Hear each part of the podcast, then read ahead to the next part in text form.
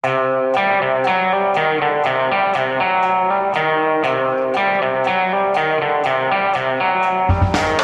ganger så mye smitte blant nordmenn som er født i utlandet.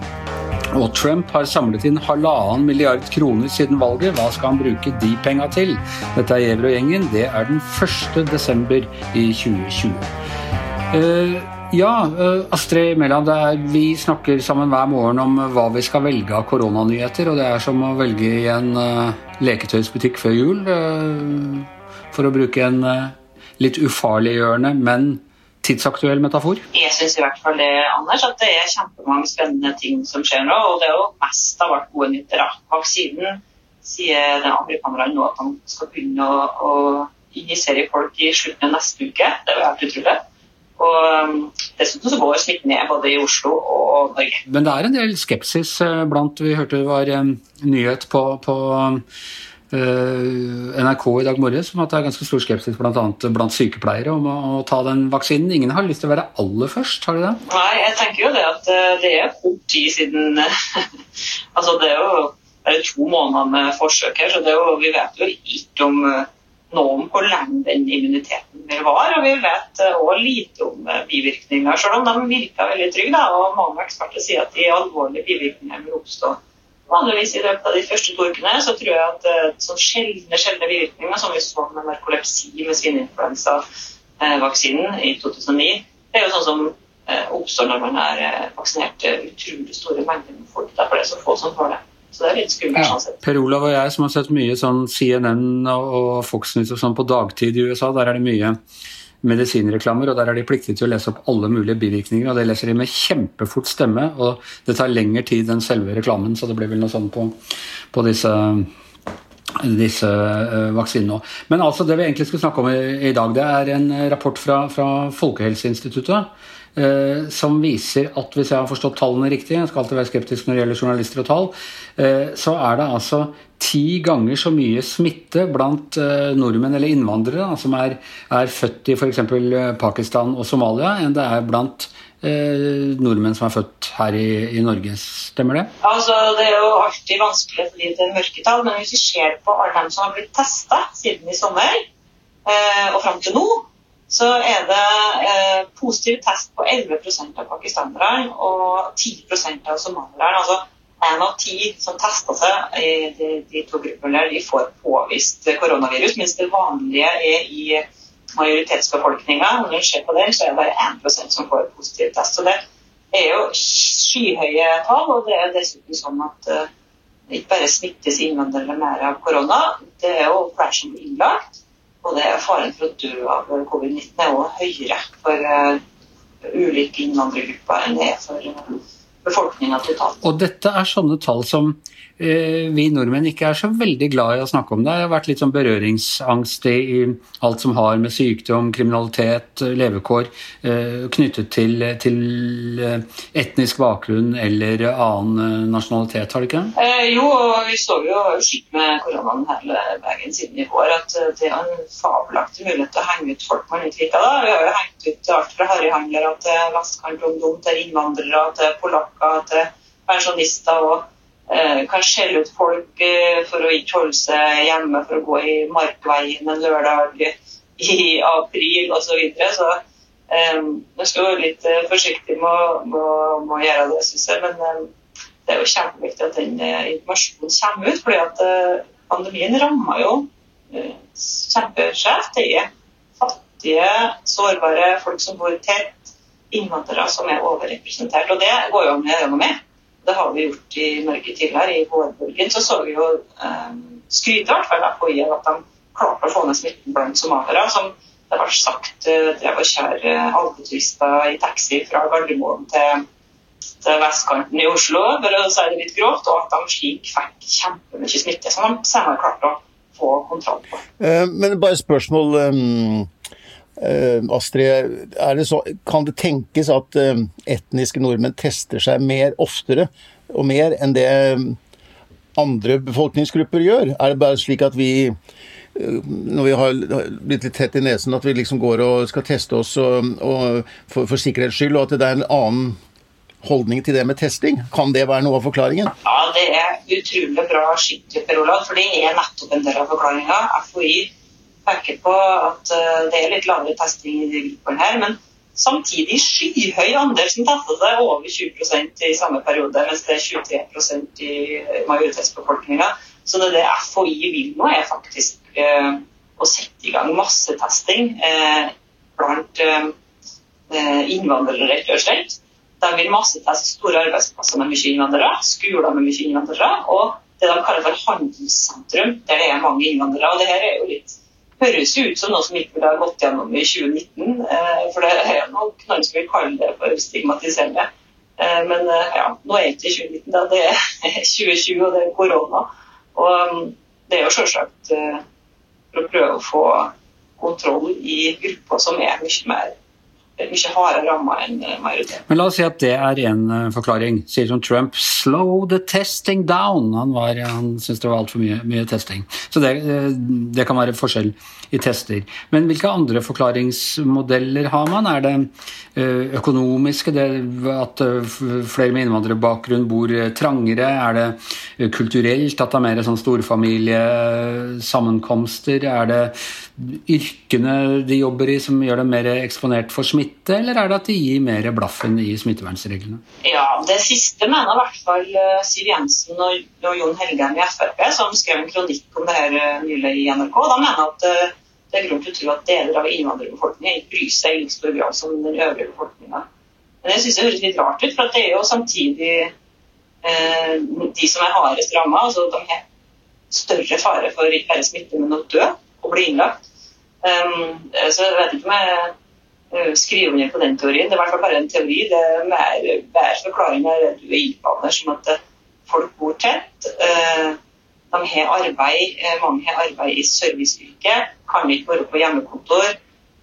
har òg arbeid i risikoyrke, som er dagligvare, helse, sjåføryrke osv.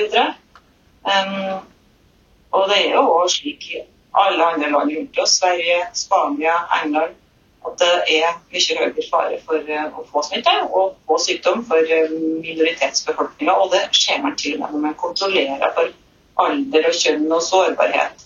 Så er det høyere sjanse for dem som er etnisk minoritet. Så det kan jo være noe med eh, biologi, skulle det være. Det høres jo fryktelig skummelt ut, da, men det kan handle om at gruppene har mer fedme, mer diabetes, mer hjerte-karsykdom, høyt blodtrykk. Sånne ting som gjør at du er i risikogruppa for å få covid-19. For å få alvorlig sykdom. Du nevnte noen tall på morgenmøtet i dag, at det var, det var enda verre, enda mer betenkelig utvikling i, i, Sverige? Ja, altså de har hatt mye, mye, mye mer uh, smitte og sykdom enn oss, de uh, får kanskje litt mer interessante statistikker. men i Sverige så har menn i de laveste inntektsgruppene 80 høyere risiko for å dø av covid-19 enn de med høyest inntekt. Og det gjelder altså da eh, hvite og etniske minoriteter. Men hvis det skjer bare på innvandrere fra Sverige eh, med lav inntekt, så har man dobbelt så høy fare for å dø mm. Ja, det er noe som skjer med denne pandemien. Den tvinger oss til å ta en del uh, type debatter som vi ellers kan synes å være litt ubehagelige å ta. Uh, ja, flere dager siden vi har snakka om Donald Trump, uh, Per Olav. Nesten så jeg har glemt hele fyren. Men uh, i dag så var det en sak i New York Times om at Trump har samlet inn 170 millioner dollar, det er godt over halvannen milliard norske kroner, siden valgnederlaget, eller altså siden valgnatta.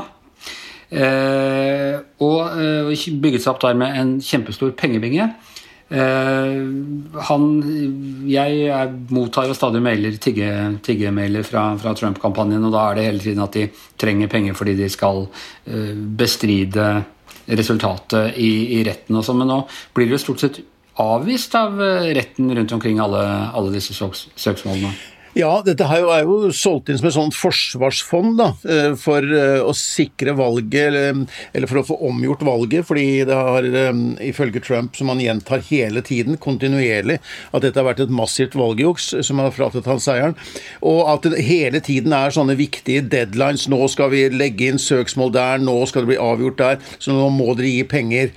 Men uh, sannheten er jo at uh, det meste av disse pengene går jo til noe helt annet. Og det står noe med bitte, bitte, bitte, bitte, bitte liten skrift helt nederst i den der mailen om at opptil 60% av, disse, av det vi samler inn, kan uh, gå til andre ting. Men det er regler for hva han kan bruke disse pengene til. Han kan ikke bare bygge et nytt uh, Trump Tower uh, for dem? Nei, men i november så laget han jo en sånn politisk aksjonskomité, sånn PAC som det kalles med forkortelse der borte, da, som den heter Save America. Så nå må jo Amerika reddes, da, etter fire år med Trump. Så skal, det er det, hans nye fond, hans nye hans nye politiske komité, da, som eh, åpenbart skal liksom legge grunnlaget for det han skal gjøre i tiden fremover, kanskje fram mot uh, valget i 2024, eller å drive en, med en større stab og drive med reiser, ha større møter. altså Han vil jo fortsatt være i uh, valgkampmodus, eller en slags kampanjemodus, eh, Trump, sånn som han egentlig har vært hele tiden han var president òg. Han drev jo en sånn kontinuerlig kampanje med store massemøter, og jeg tror det han likte kanskje best med jobben òg, å ha disse kjempemøtene. Eh, og det var, Så fort han ble valgt, så begynte han jo å ta opp igjen den tradisjonen å ha disse møtene. Og det tror jeg han har tenkt å fortsette med, kanskje også sånn med media, som det har vært snakket om at han vil da eh, jobbe i media. Men 75 eh, av de der som han nå samler inn, går til den nye politiske den der komiteen der, og 25% går vel til partiet. Uh, og, så Dessuten så, tror, så sies det vel da at han, han, de brukte jo litt for mye. De, de havnet jo i gjeld da etter valgkampen, så nå går vel med til å betale den valgkampgjelden nå. Så koster det litt å ha disse advokatene i sving òg, da. Giuliani tar jo seg godt betalt, heter det seg, og andre. Men eh, det man først og fremst tenker at han vil gjøre, er altså, som du nevner, bygge en sånn superpack. Det er en, eh, et eget fond som er uavhengig skal være liksom uavhengig av eh, kandidaten. Og det alt tyder på nå, er at Trump tenker at om eh, fire år, eller bare om tre eller to og et halvt år, så kan han annonsere sitt eh, kandidatur til presidentvalget i eh, 2024. Ja, og det, Derfor er det jo lett å tenke i hvert fall, og mistenke at det, akkurat dette her med å samle så mye penger nå, og mase med at nå, nå må vi få penger inn så vi kan få gjort om disse resultatene og få rettferdig valg. Det handler egentlig ikke om det, men de har resignert. De skjønner at de, vil ta, de taper valget. De har tapt valget. Men det handler om å se framover, om å bygge en, en sånn en, en, ha, ha, penger i banken og, og, penger å bruke fremover for å fortsette hans politiske virke, tror jeg. Det virker jo mer som det med valgjuks er et slags påskudd for å samle inn penger. Men det er ganske strenge, regler for sånt i USA, hva du kan samle inn penger til, og, og eh, hva politisk innsamlede midler kan brukes til. Det er jo et av de sivile sakene som man vil møte når han trer av som president, er eh, påstand eller etterforskning av misbruk av valgkampmidler. Og han kan ikke bare putte disse penga inn i f.eks. et sånt nytt mediekonsern eh, han vil bygge seg. Det må på en eller annen måte brukes i en politisk godtatt sammenheng. Sånn har jeg også oppfattet det. Eh, så eh, det, det, det, det, handler om å drive politisk virksomhet i tiden fremover. Media engasjementer og de øvrige tingene i hans forretningsvirksomhet må jo holdes atskilt fra dette her. Så, men nå, han er jo fortsatt i kampanjemodus på den måten også at han skal jo snart til Georgia for å drive valgkamp for de to eh, republikanske kandidatene der, som står midt oppi et senatsvalg som jo kommer til å avgjøre og, eh, hva som blir balansen i det amerikanske senatet. Da. Ja, Samtidig som han har gått veldig hardt i angrep på de republikanerne som uh, sitter med makten i, Georgia og har uh, administrert valget. Så det kan, uh, det kan bli en Ja, og dette, og dette, er veldig interessant, Anders, for det bekymrer jo republikanere, har skjønt, i Georgia en god del. for at På den ene siden så har du en president som sier at er, valgsystemet er korrupt. Det fungerer ikke, det er massivt juks. Men gå og stem! Gå og stem på nytt. Ja. Eh, og, og, det, og, det, er jo noen republikanere i Georgia som sier at nei, vi vil ikke delta, for det, valg, det er jo et urettferdig valgsystem. Det er noe galt med den, de computerne, det er ting som ikke stemmer. Og hvorfor skal vi da delta? Dette er å kaste bort tid og penger. Så hvis det blir for mange som sier det, så får demokratene flertall i Senatet. Ja, og samtidig så er det altså republikanere som har administrert eh, og har ansvaret for at valget i Georgia skulle går riktig for seg, fordi det er en republikansk styrt stat. Så paradoksene står i kø. Vi har ikke hørt det siste fra Donald Trump. Vi har heller ikke hørt det siste fra Per Olav Ødegaard på sitt hjemmekontor, Astrid Mæland på sitt hjemmekontor. Jeg heter Anders Giæver, og mannen som sitter på alle våre innsamlede midler, som, men som godt kan ta imot mer for å finansiere utelukkende podkastvirksomhet, heter Magne Antonsen og er produsent. Vi høres igjen i morgen.